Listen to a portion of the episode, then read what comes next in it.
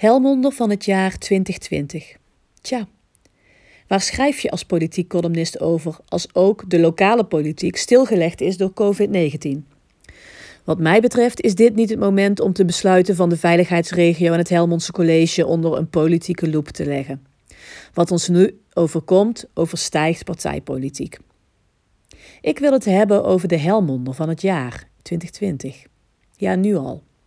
Het is pas eind maart, maar we weten met elkaar toch dat de genomineerden voor de Helmonder van het jaar eigenlijk nu al bekendgemaakt kunnen worden. In dit soort tijden staan helden op. Mijn voorzetje aan de Rabobank en de gemeente voor de eerste kandidaat genomineerde. Als eerste het Elkerlijk ziekenhuis. Als we de strijd tegen COVID-19 zien als een oorlog, dan vormen de mensen in het Elkerlijk de frontlinie. Voor veel van ons is COVID-19 gelukkig nog een behoorlijk onzichtbare vijand.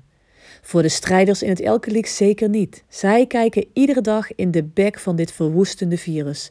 Zij vechten ertegen, steeds vaker met te beperkte middelen. Ik heb heel veel bewondering voor hun tomeloze inzet met, met gevaar voor eigen gezondheid. Als tweede Gerard Feijen. Gerard Feijen is een personal trainer en hij zet zich in via JIP+. Hij is een van de initiators van de beweegtuinen, die in Helmond inmiddels een begrip zijn geworden. Gerards lessen kunnen vanwege COVID-19 nu niet doorgaan. Maar Gerard is niet voor één gat te vangen. Vol positieve energie is hij direct begonnen met het opnemen van oefeningen voor thuis. Zo geeft hij bijvoorbeeld prima bicepsoefeningen met behulp van een kratje bier. En als derde de, weblog van Helmond. Deze nominatie is misschien een beetje preken voor eigen parochie. Want als columnist mag ik ook een klein beetje deel uitmaken van het team van de weblog. Maar iemand moet toch ook even de spotlight op hen zetten. Met een heel klein team vrijwilligers verzorgen zij dagelijkse nieuwsberichten voor, door en over Helmond.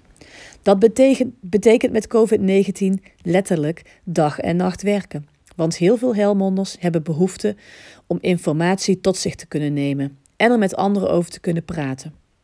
De weblog biedt hiervoor een platform.